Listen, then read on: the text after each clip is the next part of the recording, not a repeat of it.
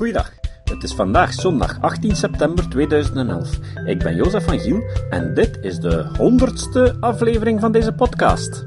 Deze aflevering kwam tot stand mede dankzij Rick Laat en de muziek is van Nick Lucassen. Gefeliciteerd! Je luistert nu al meer dan twee jaar naar deze podcast en je hebt het al 100 afleveringen uitgehouden. Niet dat 100 een speciaal getal is. 100 lijkt speciaal alleen maar omdat het het kwadraat is van 10. Maar 10 is zelf niets meer dan een conventie. We hebben toevallig ergens in de geschiedenis beslist om met een tiendelig talstelsel te rekenen, waarschijnlijk omdat we tien vingers hebben. Maar eigenlijk was het gemakkelijker geweest indien we met een twaalfdelig talstelsel hadden gerekend. Want dan was het gemakkelijk om te delen en te vermenigvuldigen met 2, 3, 4, 6 en 12, terwijl het in het tiendelig talstelsel alleen gemakkelijk is om te rekenen met 2, 5 en 10. Bovendien, met de vingers tellen in een twaalfdelig talstelsel gaat eigenlijk gemakkelijker. Je moet de vingerkootjes van één hand zonder duim tellen. Maar dat nu veranderen is heel moeilijk. De Angelsaksen zijn er nog altijd niet in geslaagd om hun middeleeuwse eenheden te vervangen door internationale eenheden. Maar uh, ik denk dat ik dat allemaal al eens verteld heb in aflevering 13. Ik zal eens moeten beginnen met opnieuw naar mijn vorige afleveringen te luisteren, om te vermijden dat ik te veel in herhaling val. In ieder geval, in het kader van deze honderdste aflevering heb ik beslist om de intro-tune wat in te korten. Ik heb al wat opmerkingen gehad dat het begint te vervelen als je meerdere afleveringen achter elkaar hoort. Nick heeft een hele mooie compositie gemaakt, maar het was genoeg zeker. In ieder geval, wie ervan genoot, kan nog altijd uitgebreid naar Niks muziek luisteren aan het einde van deze aflevering. Of je moet zeker eens naar het stukje op zijn website luisteren. Echte meesterwerkjes. Vandaag bespreken we de politieke chemie van olie. Dit is een TED-talk van Liza Magnonelli en het werd vertaald door Roel Verbund. Ik ga het hebben over de politieke chemie van olierampen en waarom dit een ongelooflijk belangrijke, lange, olieachtige hete zomer is. En waarom we moeten zorgen dat we niet afgeleid worden. Maar voor ik begin over politieke chemie, wil ik het hebben over de chemie van olie. In 2002 bezocht ik Prudhoe Bay in Alaska om te bekijken hoe de mineraalbeheersdiensten zijn mogelijkheden testen om olievervuiling in ijs te verbranden. Het probleem is dat olie meer een abstractie is voor ons als consument. De Amerikanen bijvoorbeeld zijn 4% van de wereldbevolking, maar gebruiken 25% van de wereldolieproductie. We begrijpen niet wat olie is, tot je de moleculen bestudeert. Je begrijpt dat niet echt tot je dat spul ziet branden. Als dat spul gaat branden, vliegt het de lucht in. Het is een grote woesh. Ik raad je sterk aan om ruwe olie eens te zien branden, want dan hoef je nooit meer een politiek-wetenschappelijk betoog aan te horen over de geopolitiek van olie. Het blijft op je netvlies gebrand. De netvliezen branden. Olie is een stoofpot van koolwaterstofmoleculen. Het begint met hele kleintjes, bestaande uit één koolstof en vier waterstoffen. Dat is methaan. Het vliegt zo weg. Daarna komen allerlei tussenmaatjes met gemiddelde hoeveelheden koolstof. Je hebt vast wel gehoord van benzeenringen, die zijn erg kankerverwekkend. En zo gaat het verder tot van die grote, dikke, protserige moleculen met honderden koolstofatomen en duizenden waterstofatomen, met bovendien vanadium en zware metalen en zwavel en allerlei gekheid die er verder aanhangt. Dat zijn de asfaltenen. Ze zijn een ingrediënt van asfalt. Die zijn heel belangrijk bij olievervuiling. Laat ik wat vertellen over de chemie van olie en water. Het is die chemie die olie zo rampzalig maakt. Olie zinkt niet, het blijft drijven. Als het zou zinken, zou een olielek een heel ander verhaal zijn. Daarnaast verspreidt het zich op het moment dat het met water in aanraking komt. Het verspreidt tot een heel dun laagje, dus het is nauwelijks te beheersen. Wat er vervolgens gebeurt, is dat de lichte delen verdampen en de giftige stoffen oplossen in de waterkolom, en vissen eitjes doden en kleine visjes en zo, en garnalen. Dan de asfaltenen, en dit is cruciaal. De asfaltenen worden opgeklopt door de golven in een schuimende emulsie, zoals mayonaise. Het verdrievoudigt de hoeveelheid van olieachtige brei die je in het water hebt. En dat maakt het erg lastig om het te behandelen. Het maakt het ook heel stroperig. Toen de Prestige zonk voor de kust van Spanje, waren er grote drijvende kussens, zo groot als sofakussens, van geëmulgeerde olie met de substantie of de viscositeit van kauwgom. Het is ongelooflijk lastig om die op te ruimen. Elke soort olie is anders in water. Als de chemie van olie en water ook onze politiek raakt, is het absoluut explosief. Voor het eerst zien consumenten de toeleveringsketen van olie van dichtbij. Ze beleven een Eureka-moment, waarbij we plotseling olie in een andere context zien. Ik ga jullie wat vertellen over de herkomst van dit soort politiek, want het is cruciaal om te begrijpen waarom vorige zomer zo van belang is, waarom we de aandacht vast moeten houden. Niemand staat ochtends op met de gedachte: Wauw, ik ga wat 3 tot 12 koolstofmoleculen kopen om ze in mijn tank te doen en rij gelukkig naar mijn werk. Nee, ze denken: Ach, ik moet benzine kopen. Ik ben er zo boos over. De oliemaatschappijen lichten me op. Ze bepalen de prijzen en ik weet het niet eens. Ik voel me zo hulpeloos. Dat is wat ons aan de benzinepomp overkomt. Benzinepompen zijn eigenlijk specifiek ontworpen om de woede te verminderen. Misschien valt het je op dat veel benzinepompen ontworpen zijn om op een geldautomaat te lijken. Ik heb de technici gesproken. Dat is bedoeld om onze woede te verminderen, want over geldautomaten hebben we een heel ander gevoel. Dat toont hoe erg het is. Maar eigenlijk komt dit gevoel van hulpeloosheid op, omdat de meeste mensen werkelijk denken dat olieprijzen voortkomen uit een samenzwering en niet uit de grillen van de wereldoliehandel. Bovendien voelen we ons hulpeloos vanwege de hoeveelheid die we verbruiken. Dat is redelijk, want in feite hebben we een systeem verzonnen waarin het, als je werk zoekt, veel belangrijker is dat je een rijdende auto hebt om werk te vinden en te behouden dan een schooldiploma. Eigenlijk is dat erg pervers. Er is nog wat pervers aan de manier waarop wij benzine kopen, terwijl we liever wat anders zouden willen doen. BP-benzinepompen zijn groen. Het is een heiligdom voor groenigheid. Je vraagt je af, waarom zou zoiets knolligs zo slim uitwerken op mensen? De reden is dat, terwijl we benzine kopen, we heel gevoelig zijn voor dit soort cognitieve dissonantie. Ik bedoel, aan de ene kant zijn we boos en we willen ergens tegenstelling. Ik bedoel, aan de ene kant zijn we boos en we willen ergens anders zijn. We willen geen olie kopen, we willen iets milieuvriendelijks doen. Zo trappen we in onze eigen tegenstelling. Ik bedoel, en dat is grappig, het ziet er grappig uit, maar in feite is dat de reden dat de slogan meer dan petroleum werkt. Maar een vast onderdeel van ons energiebeleid is dat we niet praten over het terugdringen van ons olieverbruik. We hebben het over onafhankelijkheid van energie en over waterstofauto's. We hebben het over biobrandstoffen die nog niet zijn uitgevonden. Dus is cognitieve dissonantie een essentieel onderdeel van de manier waarop we omgaan met olie, en ook van belang bij het omgaan met deze olieramp. Oké, dus de oliepolitiek is erg moreel in de Verenigde Staten. De olieindustrie is als een enorme, gigantische octopus van techniek en financiering en al het andere. Maar eigenlijk bekijken we het in morele termen. Vroeger hadden de VS oliefonteinen. Vroeger zeiden de journalisten over de vervuiling: het is een smerige industrie, maar ze zagen ook dat mensen rijk werden zonder iets te doen. Ze waren geen boeren, ze werden alleen rijk door spul dat uit de grond kwam, net als de Beverly Hillbillies. Maar in het begin werd dit gezien als moreel verwerpelijk, lang voordat het grappig werd gevonden. En toen was daar natuurlijk John D. Rockefeller.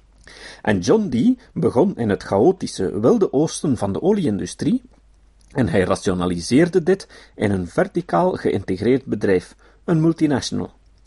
Het was angstaanjagend. Jullie vinden het businessmodel van Walmart angstaanjagend, maar stel je voor hoe ze daar in 1860, 1870 tegenaan keken. Dat staat ook aan de basis van hoe we olie als een samenzwering zien. Maar wat echt verrassend is, is dat de journaliste Ida Tarbell zich ermee bemoeide en een grote verhandeling over Rockefeller schreef. Eigenlijk kreeg zij de antitrustwetgeving voor elkaar. Maar op vele manieren blijft dat beeld van samenzwering nog altijd bij ons hangen. Een van de dingen die Ida Tarbell zei was: Hij heeft een dunne neus als een doorn, zonder lippen en pufjes onder de kleine kleurloze ogen waar rimpels uitkomen. Dus, misschien vraag je je af waarom we, iedere keer als de olie duur is of bij een olieramp, de CEO naar Washington roepen. We bestoken ze in het openbaar met vragen en proberen ze voor schut te zetten. Dit doen we al sinds 1974, toen we voor het eerst vroegen: waarom maken jullie zo op zee veel winst? We hebben zo'n beetje de hele olieindustrie gepersonaliseerd in deze CEO's. We nemen het, we bekijken het liever op een moreel niveau dan op een juridisch en financieel niveau. Ik zeg dus niet dat deze kerels geen vragen moeten beantwoorden. Ik zeg alleen dat, als je alleen kijkt of ze nu wel of niet een clubje hebberige klootzakken zijn, je niet toekomt aan wetten maken die bijdragen aan het veranderen van de manier waarop ze te werk gaan. Je gaat voorbij aan het werkelijk terugdringen van het olieverbruik en het verminderen van de olieafhankelijkheid. Dit is dus een soort afleiding. Maar het zorgt voor mooi theater en het is sterk louterend. Olierampen in zee werken dus politiek erg verzinkend. Naar aanleiding van de Santa Barbara-ramp in 1969 kreeg de milieubeweging gestalte in haar huidige vorm. Ze begon met de Dag van de Aarde. Daardoor werden ook de National Environmental Policy Act, de Clean Air Act en de Clean Water Act ingevoerd. Alles wat ze nu zijn, vloeide voort uit deze periode. Ik denk dat het belangrijk is om de vogelfoto's van die rampen te bekijken en te begrijpen wat er met ons gebeurt. In ons normale doen staan we bij een benzinepomp en voelen we ons hulpeloos. Als we naar deze foto's kijken, begrijpen we voor het eerst onze rol in deze toeleveringsketen. We verbinden de puntjes in de toeleveringsketen. Als kiezers hebben we een soort Eureka-moment. Dat is waarom het momentum van onze olierampen zo belangrijk is. Maar het is ook van belang dat we niet afgeleid worden door dat theater of de morele overwegingen. We moeten ons ermee bezighouden en aan de basis van het probleem werken. Een van de dingen die gebeurden tijdens de vorige twee olierampen was dat we echt aan sommige symptomen werken. We waren erg reactief in plaats van proactief over wat er gebeurde. Wat we wel deden was moratoria op boren instellen aan de oost- en de westkust. We zijn gestopt met boren in natuurreservaten in Alaska, maar ons olieverbruik hebben we niet teruggedrongen. Dat bleef zelfs maar stijgen. Het enige dat ons olieverbruik echt vermindert, zijn hogere prijzen. Zoals je weet, is de eigen productie van de VS gekelderd toen hun olievelden oud werden en te duur om leeg te pompen. Ze hebben maar 2% van de wereldolievoorraad. 65% ervan bevindt zich in de Perzische Golf. Een van de dingen die hierdoor gebeurden, is dat sinds 1969 in Nigeria, of dat deel van Nigeria waar olie wordt opgepompt, een delta zo groot als België en Nederland samen, te maken heeft met duizend olielekken per jaar. Ik bedoel dat we dus eigenlijk olielekken exporteren, als we olie importeren vanuit plaatsen zonder strenge milieuregels. Dat is gelijk aan elk jaar een Exxon Valdez-ramp sinds 1969. We kunnen deze lekken begrijpen, maar in feite wonen die kerels in een oorlogsgebied. Er zijn zo'n duizend oorlogsslachtoffers per jaar in dit gebied, zo groot als Nederland en België samen. En dat heeft alles te maken met olie. Als die oliedieven in de VS waren geweest, waren ze misschien wel in deze zaal geweest. Het zijn afgestudeerde politicologen en zakenlieden. Het zijn ondernemers. Ze hebben helemaal geen zin om dit soort dingen te doen.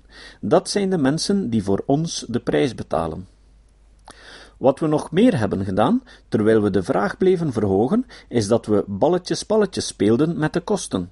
Een van de plekken waar Exxon een groot olieproject begonnen is, is Chad. De Amerikaanse belastingsbetaler betaalde er dus voor, ook de Wereldbank en Exxon. We begonnen ermee. Er was een enorm probleem met criminelen. Ik was daar in 2003. Ze hebben hun eigen privélegertje in de buurt van de olievelden.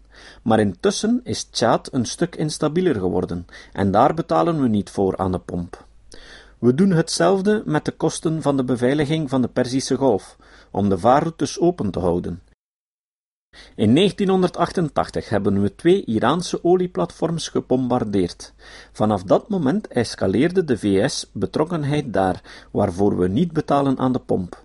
De belastingbetaler betaalt ervoor, en we kunnen de kosten van deze bemoeienis niet uitrekenen. De andere plek die onze afhankelijkheid van olie en onze consumptie ondersteunt, is de Golf van Mexico, die geen deel uitmaakte van de moratoria. Het is een intensieve industriële zone geworden. Het heeft niet dezelfde klank voor ons als het National Park in Alaska, maar dat zou wel moeten, want het is een toevluchtsoord voor vogels. Elke keer dat je benzine koopt in de Verenigde Staten, is de helft daarvan geraffineerd langs de kust, want de Golf beschikt over ongeveer 50% van hun raffinagecapaciteit en ook veel van hun zeeterminals. De mensen aan de Golf hebben ons dus allen gesubsidieerd voor een minder schoon milieu. Eindelijk betalen ook Amerikaanse families een prijs voor olie. Aan de ene kant is de prijs aan de pomp niet erg hoog als je de werkelijke kost van de olie bekijkt, maar aan de andere kant, het feit dat mensen geen andere vervoerskeuze hebben, betekent dat ze een groot deel van hun inkomen betalen om op en neer te rijden naar hun werk, meestal in vrij matige auto's. Kijk naar de mensen die 50.000 dollar per jaar verdienen, met twee kinderen. Die hebben misschien wel drie of meer banen. En dan wordt het echt pendelen. Ze besteden werkelijk meer aan hun auto en brandstof dan aan belastingen en gezondheidszorg.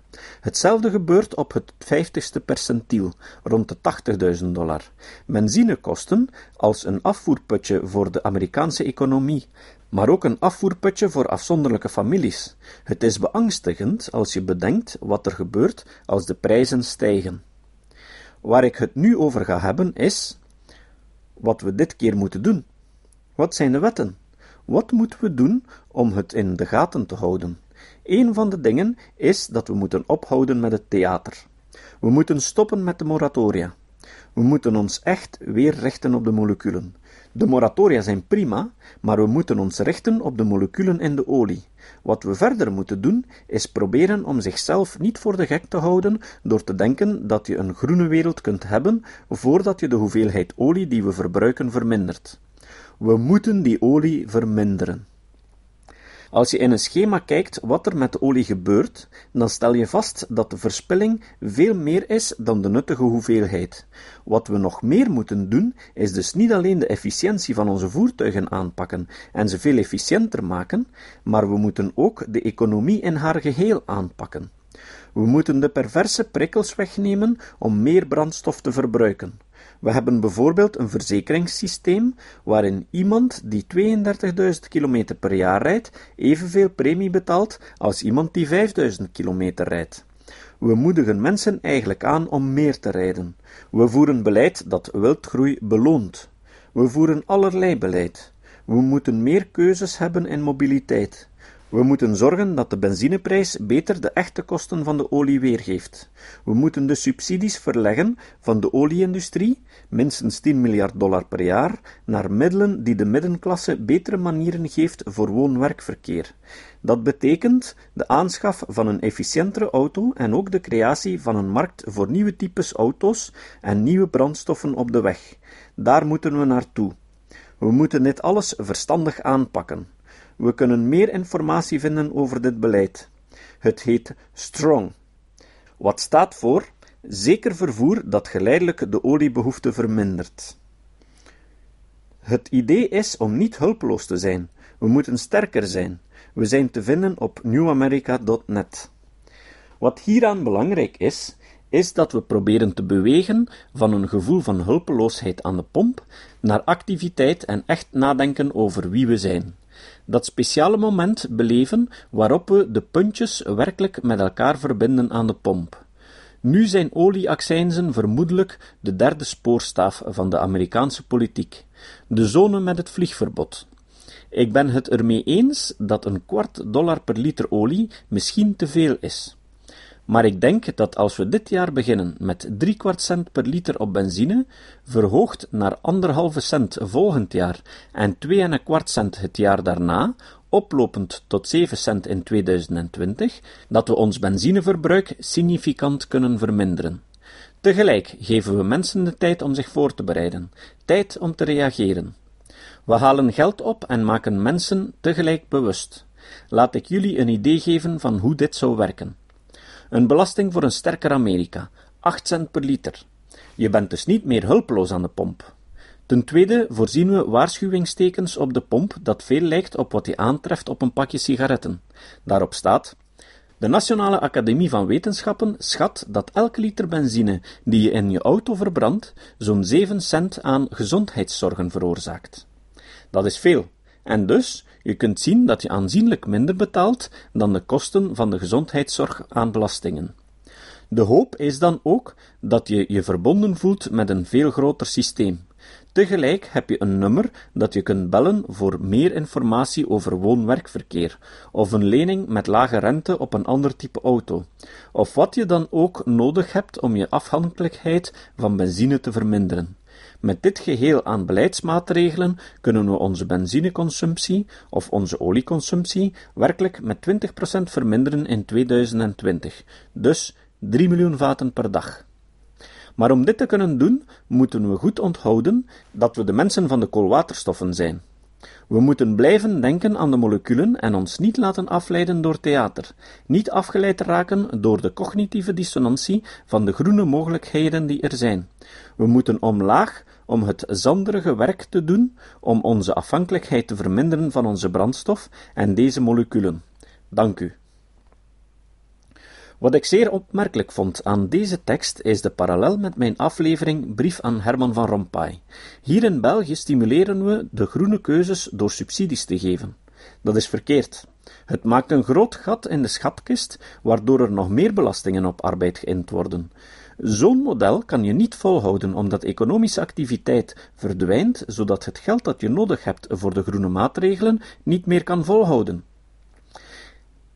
In plaats daarvan moeten we progressief taksen beginnen heffen op fossiele brandstoffen en die meerinkomsten gebruiken voor twee zaken: om effectieve milieumaatregelen te nemen, zoals waterzuivering, bosbouw en zo, en ten tweede om de belastingen op arbeid te verminderen, zodat het aanwerven van werkkracht weer aantrekkelijker wordt.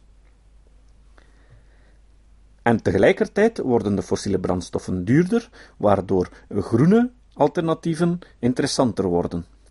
Ik begrijp eigenlijk niet waarom de groene partijen niet met zo'n voorstellen afkomen.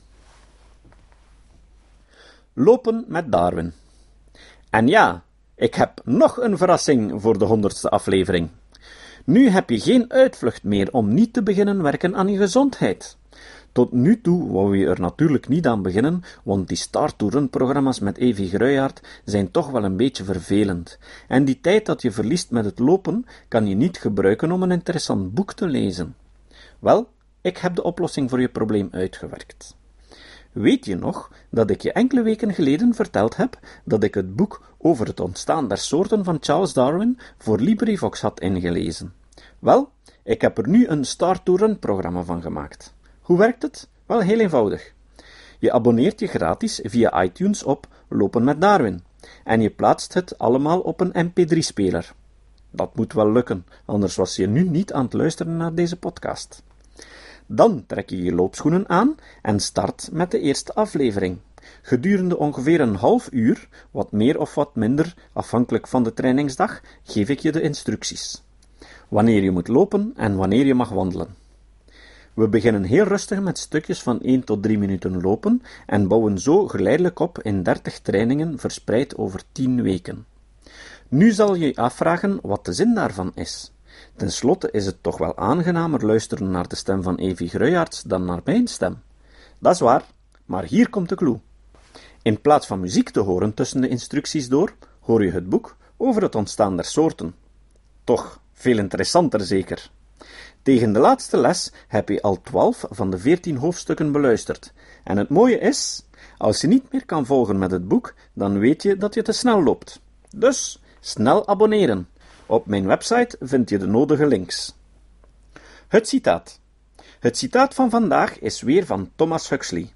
Je weet nog wel, Darwins bulldog. Huxley zei: Leer wat waar is om te kunnen doen wat juist is. Tot de volgende keer.